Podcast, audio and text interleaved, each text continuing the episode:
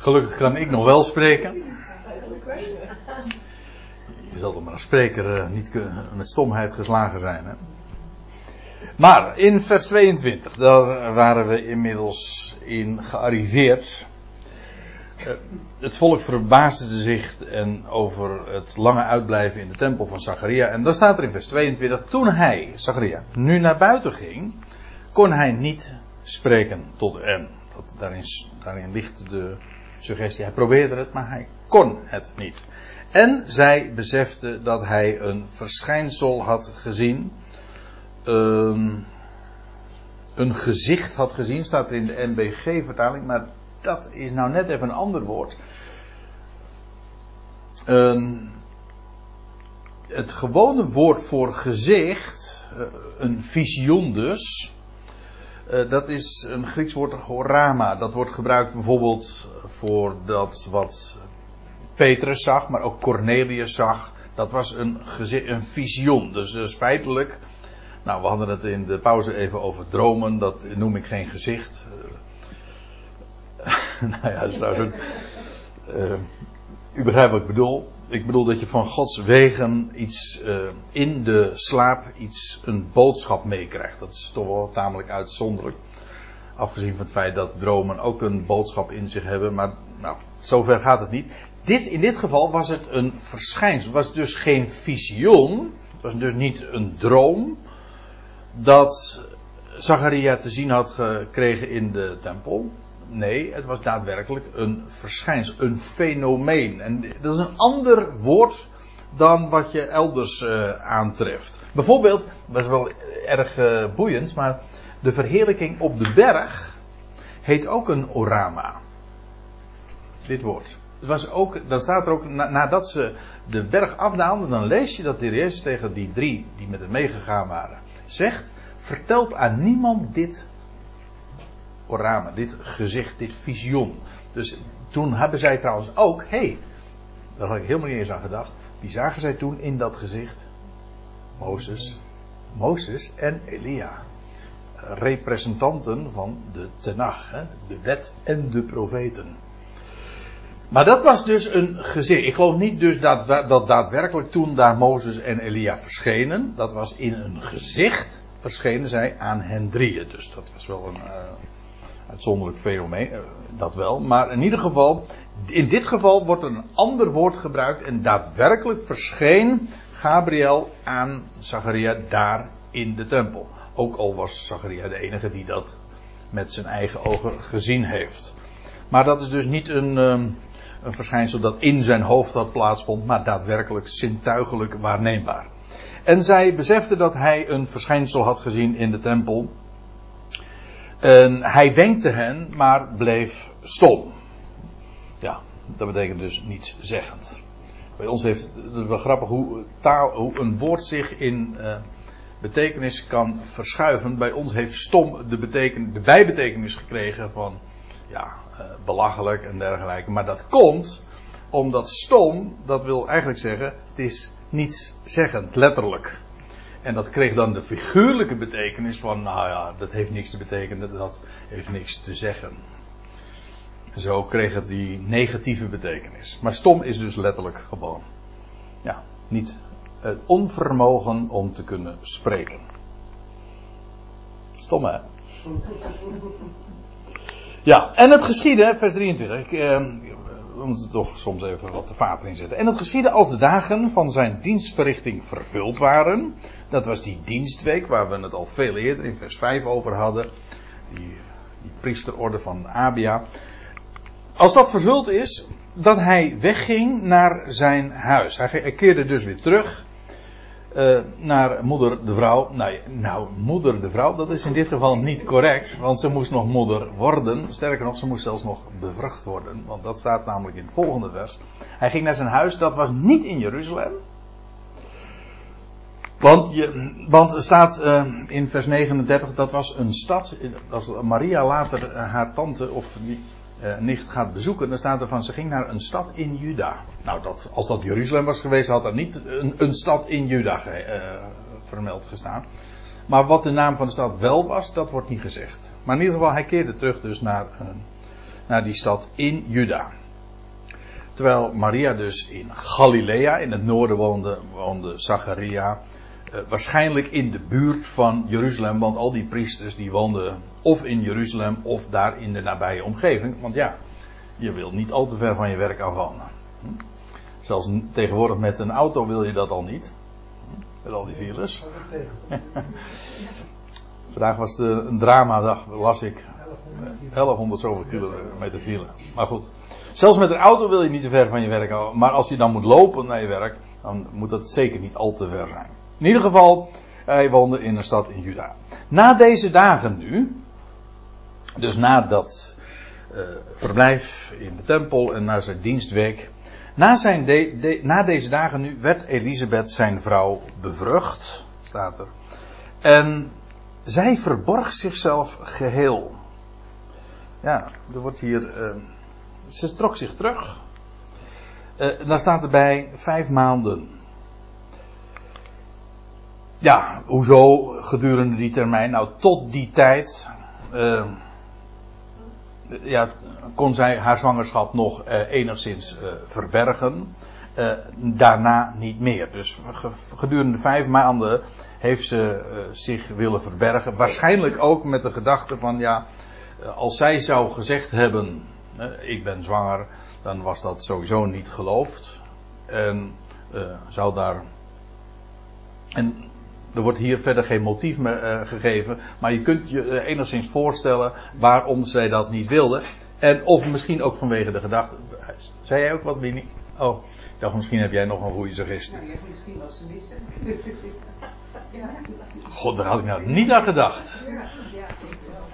Ja. Kijk, soms is het wel eens handig om even een ervaringsdeskundige. Ik had, ik had hem zelf kunnen bedenken natuurlijk, maar. Uh, nou ja, uh, doet niet de zaak. De, zulke fantasieën, uh, of in ieder geval zulke opties kun je noemen, meer dan ook niet. Maar in ieder geval, ze verborg zichzelf geheel. Uh, dus tot de zesde maand. Daarover straks meer. Maar die vijf maanden zijn ook wel boeiend. Want natuurlijk kun je zeggen van ja, het was gewoon vijf maanden dat ze zich verborg. Natuurlijk, dat is waar. Maar vijf in het algemeen staat al voor verborgenheid.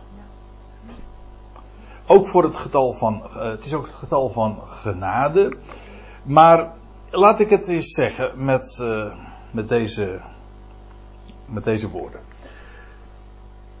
Ooit was daar Abraham, zijn naam is nu al vanavond heel wat keren gevallen. Maar ooit was daar Abraham, die Abraham heette. Maar hij kreeg ooit iets aan zijn naam toegevoegd, of eigenlijk moet zeggen tussengevoegd. Hij heette Abram en toen werd hij Abraham. Hij kreeg dit, uh, ja, hij kreeg deze letter, de letter He, aan zijn naam toegevoegd. Ja. En is dat, en die, u zegt, ja, maar wat is dat dan? Dat is de letter, dat is geen cijfer. Jawel, maar een Hebreeuws letter is ook een cijfer. En het is de vijfde letter en het staat ook voor het getal vijf. Trouwens, in dit geval is het helemaal makkelijk aan te tonen. Want zelfs in het Nederlands is de he staat bekend als een vijf. Hey, wist je dat? Nee? Nou, uh, wij kennen het woordje, wij kennen een heitje. Een heitje is, komt via het Hebreeuws, Jiddisch, Bargons, hoe het ook maar heten mag, Amsterdams. Uh, in onze taal, maar een heitje was, waren eigenlijk vijf stuivers. Dat was een, was een kwartje namelijk. En dus was dus vijf maal vijf. Een heitje, maar ik zeg er dan al, denk dan altijd bij. Mini, jij zegt van mensenhanden zijn niet nodig. Maar uh, als het gaat om de hei, een heitje, hebben we een karweitje ook niet nodig natuurlijk. Hè? Geen heitje voor een karweitje, nee, die krijg je zomaar gratis. Dat was met Abraham ook zo. Die kreeg gewoon dat heitje, hè, die hei, aan zijn naam uh, toegevoegd. Trouwens, ik, nou ik het zeg, uh, we kennen diverse andere Hebreeuwse letters die we ook als getal, namelijk de tiende letter is de Jud. En ik hoorde hem laatst nog een leuke. Ik heb het afgelopen zondag in een andere in Zeewolde, toen ik daar sprak, heb ik het ook nog even genoemd. En die kende ik niet, maar wie weet hier wat een lammetje is? Een lammetje, die is niet zo bekend. Een jood kennen we allemaal. Een, een meijer ook. Een meijer, dat is weer het Hebreeuws voor honderd. Een mea. Ja, maar, geel, ja, maar geeltje is, komt weer niet via het Hebreeuws. Ja. Ja, maar uh, van origine was daar namelijk ook nog een lammetje, heb ik begrepen. Dat was Amsterdams. En dat was een daalder. Een da en er, je hebt een riksdaalder, dat is 52. En een daalder was 1,50. Hè. Op de markt is een gulden een daalder waard. Dat was, uh, maar toen ging, het was het punt, een daalder was 1,50. En dat heette een lammetje. Waarom? Omdat dat waren het, de Hebreeuwse letter. Het wordt een beetje ingewikkeld. Dat lijkt ingewikkeld, maar zo is dat gekomen. Je hebt namelijk de Hebreeuwse letter lamet. En dat staat voor het getal 30. En het getal 30, uh, vermenigvuldig dat met die stuivers. Dan krijg je 1,50. 30 stuivers, dat is 1,50. Dat is een daalder. En vandaar dus dat men in Nederland het had over een daalder. Maar in Amsterdam sprak men van een, een, een, eh, een lammetje. Dat was een daalder. En hoe kwam dat? Nou, omdat er vele Joden daar waren en die spraken gewoon, dat zijn 30 stuivers, een lammetje, een van de lamet. Maar goed. Uh, ja. Nou, dit is eventjes uh, gewoon even algemene taal. Maar het gaat er even om dat een Hebreeuwse letter dus een, ook een cijfer vertegenwoordigt. En de 5 staat inderdaad voor de he. En u weet, God uh, beloofde aan Abraham een zoon bekrachtigde dat verbond ook uit de dood, uit jouw dode lichaam en dat van Sarah. Die trouwens ook een H aan haar naam kreeg toegevoegd. Want ze heette Sarai, maar ze werd Sarah met een H aan het eind. Een he. Dus beide kregen ze een he aan hun naam toegevoegd. In Abrahams geval zelfs ertussen gevoegd. En dat is heel karakteristiek, want die, die, eh, die he dat is, dat is trouwens ook een stomme letter. Hè? Dat wil zeggen, die letter hoor je eigenlijk niet. Het is niks. Het is eigenlijk lucht. En eh, al heb je in het Griekse alfabet, uh, is het alleen maar een kommatje. Want... Maar in ieder geval, daar zit uh, die feit, het is verborgen, daar gaat het om. En ja, nee. Laat ik deze, alleen deze die ik hier genoteerd heb, ehm, eventjes nog noemen. Want je hebt namelijk de dagen in Genesis 1. De schep, dat noemen we dan de scheppingsdagen. De, dag, de dagen waarin God zijn scheppingswoorden gaf.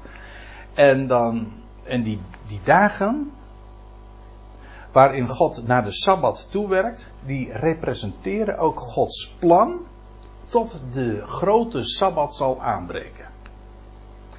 En dat zijn allemaal fases. Ik ga dat nu niet uitwerken, maar de, zo is bijvoorbeeld die vierde dag dat God de tekenen gaf van de zon, maan en sterren. Dat spreekt van de periode van de wet waarin God tekenen gaf. Hè, ook voor afschaduwingen, et cetera. En dan uh, op de vijfde dag gebeurde er niets op het land. Kijk maar na. De vijfde dag gebeurde niets op het land. Wat deed God? Hij creëerde uh, wezens, levende zielen in de wateren, in de zeeën en in de hemel. De, oftewel de vissen, de rode zeedieren en de, de vogels, de vogelen des hemels. En dat is weer karakteristiek voor deze tijd. Die vijfde dag representeert deze huidige tijd waarin God niet met het land, Israël, werkt, maar in de zee, de volkerenzee, de natieën, leven verwekt en bestemd voor de hemel. Dat is de vijfde dag, waarna de zesde dag komt. En dat is de dag waarin de mens, Adam, de laatste Adam, zal verschijnen. En ook uh, gesteld zal worden tot heerschappij over deze aarde. De zesde dag spreekt van de dag dat hij zal, dat de laatste Adam zal komen. En de aarde aan zich zal onderwerpen om vervolgens de Sabbat te doen aanbreken. Nou, wat ik wil zeggen is, al die dagen representeren tijdvakken in de geschiedenis tot aan de grote Sabbat. En de vijfde dag, dat is de tijd die staat, of dat, dat is de dag die staat en representeert de periode waar wij nu in leven, waarin het land even buiten uh, schot is, dat is een raar woord, maar uh, even niet aan de orde is, maar God werkt in de natieën en in de hemel, in het verborgene. En dat is, heeft allemaal met die vijf te maken. Zij verborg zich, daar gaan we nu eventjes naar terug. Zij verborg zich vijf maanden. En die vijf en verborgenheid hebben alles met elkaar te maken. Nou, dat wou ik even gezegd hebben. En dat het ook met nieuw leven te maken heeft. En de aankondiging van nieuw leven. Nou, dat kon Abraham je ook al vertellen. En in dit geval Elisabeth ook natuurlijk. Want nieuw leven is er wel, alleen het is nog verborgen. Ja, voor haar letterlijk zelfs. Dat is trouwens de zwangerschap in het algemeen. Tot de openbaring. Ja. En dan staat er in vers uh, eh, 25 waarom ze dat zo deed. Zo heeft de Heer, hè, zeggende, zo heeft de Heer aan mij gedaan in de dagen dat hij, waarin hij acht sloeg om mijn smaad te midden van mensen te verwijderen. En die vijf maanden, wat is, dat is wat ze eigenlijk daarmee zegt. Die vijf maanden die representeren de tijd van mijn smaad. En zo werd dat genoemd en ook beleefd, namelijk de tijd van haar onvruchtbaarheid. Dat ze, en God heeft acht daarop geslagen. En na die vijf maanden, waarin ze zich eh, verborg voor de mensen, om geen smaad te dragen. En in, na de vijf maanden, eh, dus in vanaf de zesde maand, komt ze weer in de openbare. En nou, nou kon iedereen ook zien dat er inderdaad. Uh, dat ze zwanger was. Uh, verborg zij zich niet langer. De tijd van haar smaad was nu uh, voorbij. En dat is wat ze uh, zegt. Zo heeft de Heer aan mij gedaan in de dagen waarin hij acht sloeg om mijn smaad te midden van de mensen te verwijderen. Dat was de reden dus van die vijf maanden uh, zich in het verborgen houden. Zich verbergen. Afgezien van de factoren waar we het net over hadden. In de zesde maand nu. Aha. De, het gaat hier nog steeds over. Het gaat hier niet over de zesde maand van het jaar. Nee, het gaat over de zesde maand, namelijk van de zwangerschap van Elisabeth. Vijf maanden, na die, zes ma na die vijf maanden uh, ging ze zich weer vertonen onder de mensen. En in de zesde maand nu gebeurde er nog iets. Dus terwijl Elisabeth, uh, Eli Elisabeths verberging ophield, uh, gebeurt er nu iets anders. En dat is dat de geboorte van de koning eigenlijk gaat aangekondigd gaat worden.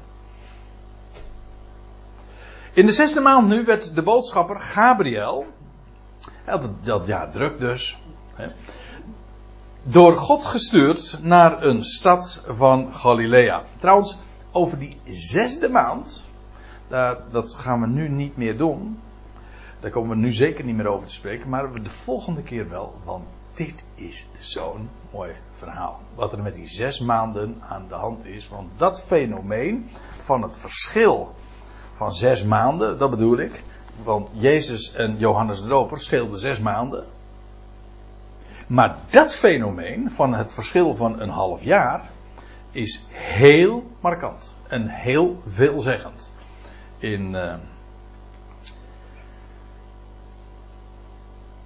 in, de, in het Oude Testament al.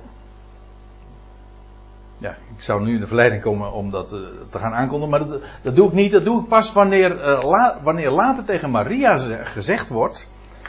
Uh, dan zegt Gabriel van uw nicht Elisabeth, die is zwanger, en het is nu reeds haar zesde maand. In vers 36 wordt dat gezegd. Het is nu reeds, ze, is haar, ze is reeds in haar zesde maand.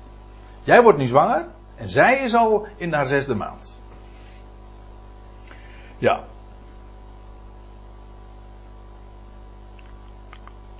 Nou, in de zesde maand nu werd de boodschapper Gabriel door God gestuurd naar een stad van Galilea, genaamd Nazareth.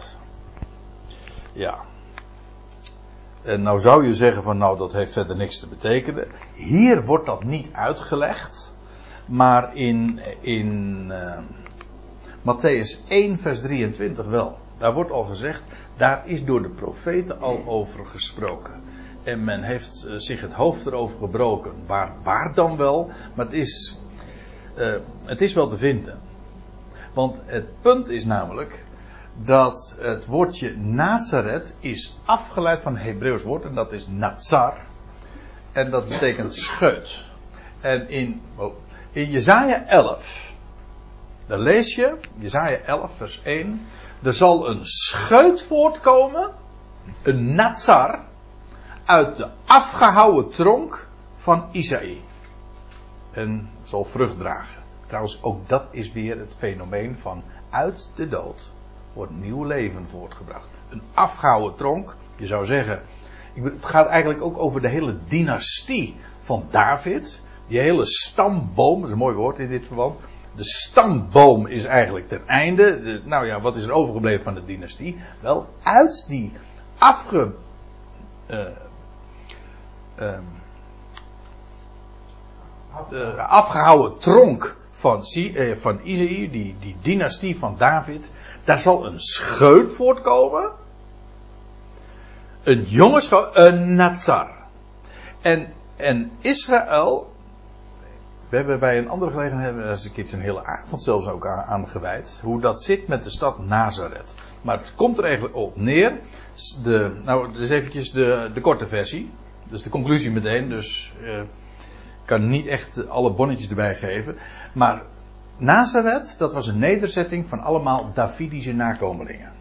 Dat wil zeggen mensen die uit, stamden uit het huis van David, maar die uh, ze moesten vluchten voor Herodes enzovoorts. En die zijn naar, naar Galilea gegaan en hebben daar een, een, een, een nederzetting gestart. Dus de stad Nazareth was in het Oude Testament onbekend.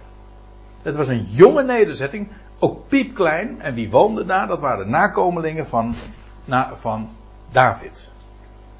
En vandaar ook dat ze haar, die stad hebben genoemd Nazareth. Want ja, wij zijn allemaal dus uh, uh, troonpretendenten. Dat wil zeggen, wij zijn nog, wij zijn eigenlijk degenen uh, waar God zijn belofte gaat, via waar God zijn belofte gaat vervullen. En dat zit dus allemaal in die, die stad, of in die naam Nazareth. Daar woonden dus nakomelingen van David. Nou, dat is een open deur intrappen als ik het zo zeg. Want het enige wat wij weten is dat daar inderdaad uh, zulke mensen woonden. En dat staat dan ook meteen in vers 27. Uh, eh, hij werd dus door God gestuurd naar een stad van Galilea genaamd Nazareth. En dan staat er naar een maagd. Wordt tot twee keer toegezegd in dit ene vers. Het was een maagd. Uh, die in ondertrouw gegeven was aan een man genaamd Jozef uit het huis van David. En de naam van de maagd was Maria. Uh, hij was uit het huis van David. Dat wordt diverse keren gezegd. Ik zal het straks ook laten zien. Maar nou kom ik op een wat uh, omstreden terrein. Want hoe dat nou zit met Maria, daar wordt wat uh, verschillend over gedacht. Ik heb met Aard uh, daar ook nog een gesprek over gehad. Hij heeft daar nog wat materiaal over gegeven. Ik moet het nog eens een keer met hem over hebben. dat is een, een discussiepunt. Wij, gaan, wij, zitten daar elkaar niet over in de haren, maar ik heb er wel wat een ander inzicht in. In, in ieder geval, het gaat eigenlijk over die vraag van, is Maria ook uit het huis van David? Als je zegt nee, dan heb je een punt in die zin dat het niet expliciet van Maria gezegd wordt. Van Jozef een aantal keren, maar van Maria wordt het niet gezegd. Maar, twee dingen. Er wordt wel gezegd van de Heer Jezus dat hij uit het, uit het zaad van David was. Dat wordt tot vier keer toe in het Nieuwe Testament gezegd. Dus niet alleen maar dat hij een erfgenaam, dus dat hij in die zin dat hij uh, juridisch gezien een zoon van David was. Kijk, Jezus was een zoon van Jozef, uh, juridisch. Gewoon zo stond dat uh, opgeschreven. En dus zou je kunnen zeggen van nou, hij, als, daar, als Jozef uh, uit het huis van David komt, dan heeft juridisch gezien uh, Jezus daar ook, erft zijn rechten daar ook op. Oké. Maar dan kun je niet zeggen dat Jezus ook uit het zuid van David is. Uit zaad van David, uit het, in het Grieks staat er gewoon uit het sperma van David. Dat wil zeggen, er is een, dat is een bloedband, dat is een, een, een genetische lijn. Er ligt een genetische lijn tussen David, dat is mijn punt, tussen David en de Heer Jezus. Maar als, de, als Maria geen nakomeling van David zou zijn, dan was de Heer Jezus niet uit het zaad van David. Toch? Want de Heer Jezus, dan, want Jezus was geen, was geen lijfelijke nakomeling van Jozef. Maar hoe was hij dan uit het zaad van David? Dat kan alleen als niet alleen Jozef, maar ook Maria uit het zaad van David was. Dat is één punt. Uh, een ander punt is, en dat is dat we twee registers, twee geslachtsregisters, twee ja, of koningsregisters hebben in uh, de evangelie van de Jezus. Eentje in Matthäus en eentje in Lucas 3. Daar komen we op een veel later tijdstip nog eens over te spreken. En, en in beide gevallen wordt een, uh, wordt een uh, grootvader van Jezus genoemd. Er wordt in Matthäus 1 gezegd dat Jacob de grootvader was van de Heer Jezus. In Lucas wordt Eli genoemd. Dat is op zich geen tegenstelling. Nee toch? Maar dat is alleen maar goed verklaarbaar. Wanneer, ja, eh, een mens heeft twee opa's. Waarom? Gewoon omdat je een vader en een moeder hebt. Nou, de ene lijn is dat hij dus zijn, de, de juridische lijn is via zijn vader. Was Jacob zijn grootvader. En via zijn moeder, Maria, was Eli zijn grootvader. En wat blijkt dan? Dat als je die registers nagaat, dat beide lijnen terug te voeren zijn tot David. Alleen, als je de lijn van Matthäus volgt, dan blijkt Jacob Jozef terug te voeren zijn, terug te voeren tot de zoon van David, namelijk Salomo als je de lijn van Lucas volgt, en dus van Eli, dan kom je niet bij, de dan kom je niet bij Salomo, maar via een andere zoon van David, namelijk Eli. Uh, sorry. Uh, Nathan. Dat wil zeggen, David had diverse zonen natuurlijk, dat weten we. En één daarvan was Salomo en één was Nathan. En via uh, de, de lijn van Lucas verloopt. Ik zou het eigenlijk eens even grafisch moeten uitbeelden. Dus PowerPoint leent zich daar geweldig voor. Maar uh, Lucas beschrijft de lijn via Maria dan. En via de ene grootvader. En uh, Matthäus via de andere grootvader. En dat is de officiële uh, juridische lijn. Eigenlijk meer een lijn van allemaal troonpretendenten. Dat is. Dat verklaart het verschil. En dat kan dus alleen maar wanneer beiden, niet alleen Jozef, maar ook Maria uit het uh, geslacht van David kwamen. Alleen via verschillende familielijnen of verschillende takken van de familie, zeg maar. Ja, dat is een wat ingewikkeld verhaal. En die zegt van, ja, wat doet dat de zaken? Nou, het gaat er dus even om uh, hoe Jezus dus het zaad van David kan zijn als, als ook niet Maria uit het geslacht van David zou zijn. En ik denk dat daar uh, goede redenen voor zijn. Maar goed. Eén uh, ding is in ieder geval zeker, en dat is van Jozef wordt het in ieder geval, en dat is zeker waar, hier en elders expliciet gezegd. Jozef uit het huis van David. En de naam van de maag was Maria.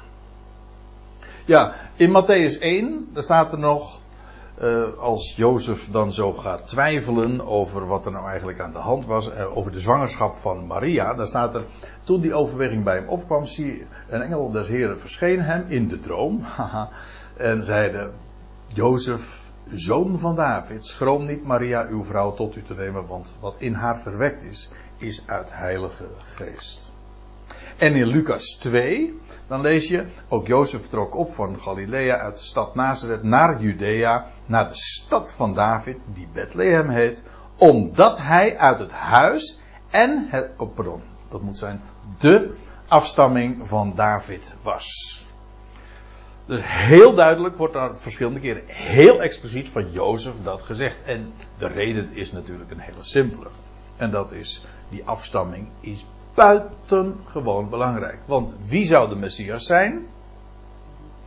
De zoon van David. Trouwens, daar begint het, uh, het Nieuwe Testament ook heel triomfantelijk mee. Het geslachtsregister van Jezus. De zoon van Abraham. De zoon van David. Kan niet anders. En daarmee de zoon en ook dus de erfgenaam van David. En dat wat aan David was beloofd, dat zal in hem en via hem worden vervuld. Dus die Davidische afstamming is enorm belangrijk. En toen hij, Gabriel, binnenkwam tot haar, zei hij: Verheug je, begenadigde vrouw, de Heer is met je. Verheug je. Uh, als je dit op zijn Latijn zegt, dan zeg je Ave Maria. Want in het protestanten zijn niet geneigd om daar zo over. Eh, om dat zo eruit te lichten. En, maar, nou ja, de, deze woorden zijn uh, heel erg bekend geworden. En dat trouwens, dat is uh, volkomen terecht. Want Maria heeft een buitengewoon bevoorrechte plaats. Dat blijkt ook wel trouwens.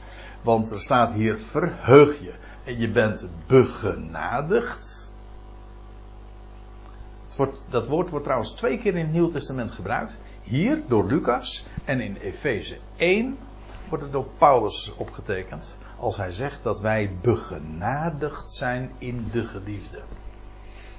Er wordt exact hetzelfde woord gebruikt. Er zit trouwens ook het woordje verheugen in.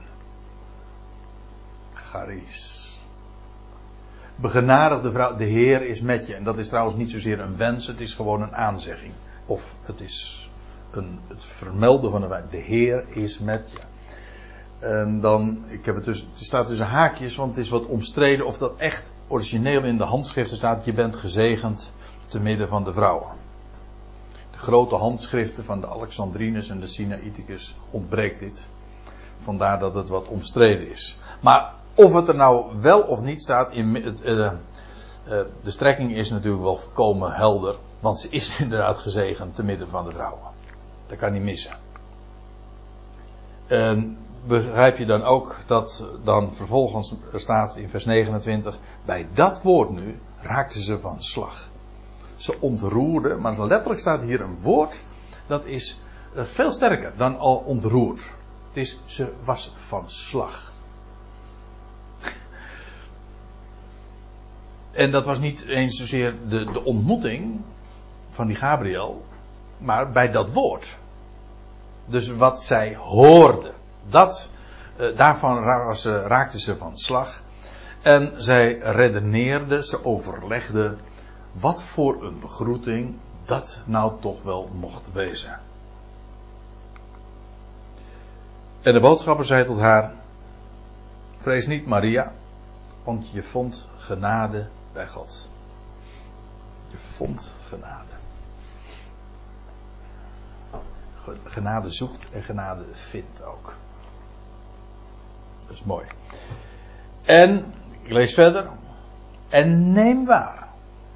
Het wordt een, het wordt een waarneming. Je zult het gaan vaststellen. Je zult bevruchten. Ik, het is wat letterlijk weergegeven. Maar zo staat dat in het Grieks dan geformuleerd. Je zult bevrucht worden in de buik. Het wordt heel, ja. ja, hoe zou ik zeggen, het wordt haast uh, filmisch gezegd. Uh, zo, zo, dat is precies wat er gebeurt. Je zult bevrucht worden in de buik, oftewel, uh, de MBG zegt dan, je zult zwanger worden, wat natuurlijk inhoudelijk hetzelfde is. En een zoon voortbrengen. En je zult hem noemen bij de naam Jezus. Yeshua. Of Jehoshua. Maar het is gewoon, het is de naam van degene die ooit uh, Israël door de Jordaan in het land bracht. Hadden, en bij de Gilgal, weet u wel, die. En in, als je trouwens eh, dit in Matthäus leest, dan, dan wordt ook vermeld, dan wordt het alleen tegen Jozef gezegd, je zult een zoon, of Maria zal een zoon baren, en jij zal hem de naam geven, Jezus. Want hij is het, staat er dan, die zijn volk zal redden, verlossen van de zonde. Dat wil zeggen, degene die aangekondigd is, hij is degene die dat vervult. Want de naam Jezus betekent Yahweh red. Hij is, Yahweh is redder, of Yahweh red. Eigenlijk is daarmee uh, het hele evangelie ook aangegeven. Jawel, red. Dat is wat Jezus is. Jawel, red. Wie? Nou, iedereen. Allemaal, alles. Hij redt namelijk. En zonder toedoen van mensenhanden. En dat is niet iets, een prestatie van een maar dat gele is gelegen in de naam alleen. Hij redt op allerlei uh, tijdstippen en niet allemaal tegelijk, maar hij redt. Ja, eigenlijk, dat is het hele evangelie. En dat is onvoorwaardelijk. Dus de naam van. Het is daarom ook, eh, dat is mooi, hè, dat zoals Paulus dat zegt in Filippenzen 2. Het zal zijn in de naam van Jezus dat elke knie gaat buigen van hen die in de hemel, die op de aarde en die onder de aarde zijn. Nou, moet jij nog eens een keertje hard over gaan doordenken wie daarvan is uitgesloten. Want is of boven de aarde, of het is op de aarde, of het is onder de aarde. Maar meer smaken zijn er niet. Dat zijn de, dat zijn de drie verdiepingen, om zo te zeggen. En elke knie en elke tong zal zeggen, er staat letterlijk van ex homologeo, dat wil zeggen ex, dat wil zeggen het komt van binnenuit.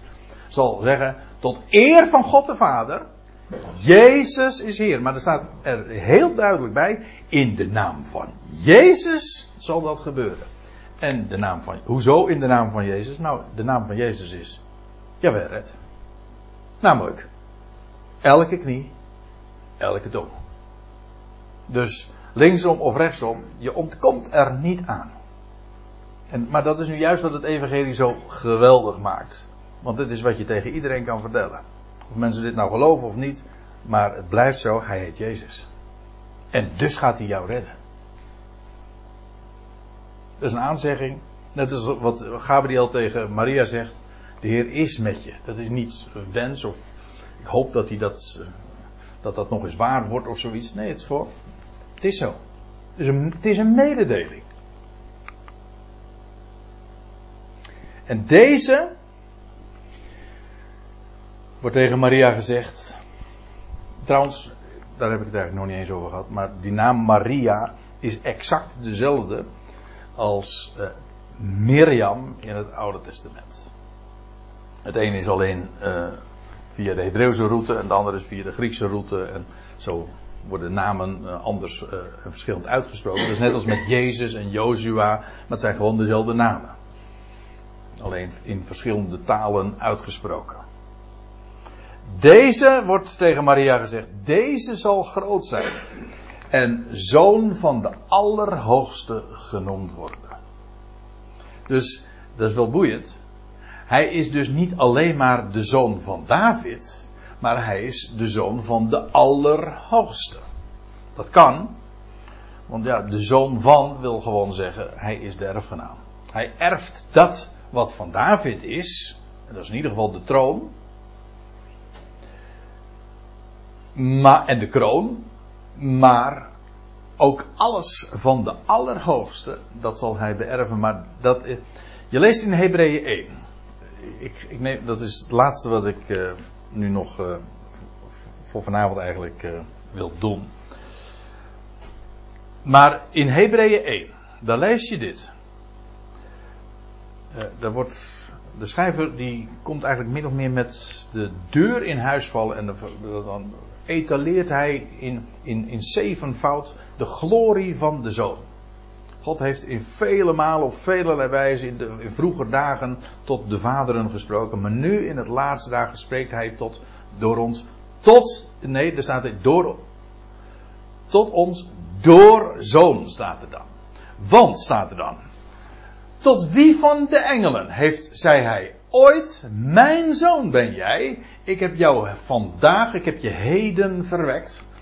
En wat, wat de schrijver van de Hebreeënbrief doet, is hij haalt, hij citeert twee keer uit het Oude Testament, uit de Hebreeuwse Bijbel. De eerste keer uit Psalm 2, waar God de Messias aanspreekt, mijn zoon ben jij. En hoe komt dat? Wel, ik heb je zelf verwekt. Dat is uniek. Wat geen mens ooit heeft meegemaakt. Vandaar ook dat hij de enige geboren zoon heet. Van God. De enige geboren zoon van God. Is niemand in heel de wereld gezien van al die miljarden mensen. die letterlijk, lijfelijk een zoon van God is. Namelijk door God zelf verwekt. Zonder tussenkomst van een man. Mijn zoon ben jij. Ik, ben, ik heb je vandaag verwekt. En er staat, en elders, en dat is 2 Samuel 7, dat wordt tegen David dan gezegd. Ik zal hem, namelijk die Messias, tot een vader zijn en hij zal voor mij tot een zoon zijn. Nou, dat is nooit, dat zelfs tegen de engelen is dat nooit gezegd. En tot geen enkel mens. Dit is slechts op één iemand van toepassing. Vandaar, hij is letterlijk sorry. Hij is letterlijk de zoon van de Allerhoogste. En dus dat is nog veel meer. En dat overtreft zijn titel en functie als zoon van David. Nou, dat uh, is dan mooi uh, een, uh, de opstap ook voor de volgende keer. Want daar moet natuurlijk nog veel meer over gezegd worden. Want beide gaat uitgelegd worden. Namelijk en dat hij de troon van zijn vader David zal erven. Wat trouwens bijna geen christen nog gelooft. Dat is letterlijk zo. Die troon die in Jeruzalem zal, die zal ooit weer hersteld worden. En die gaat hij dus krijgen. Maar ook waarom hij de zoon van de Allerhoogste heet. Letterlijk ook is. Ook dat uh, legt deze Gabriel uit. Maar ik stel voor dat we dat parkeren voor de volgende keer.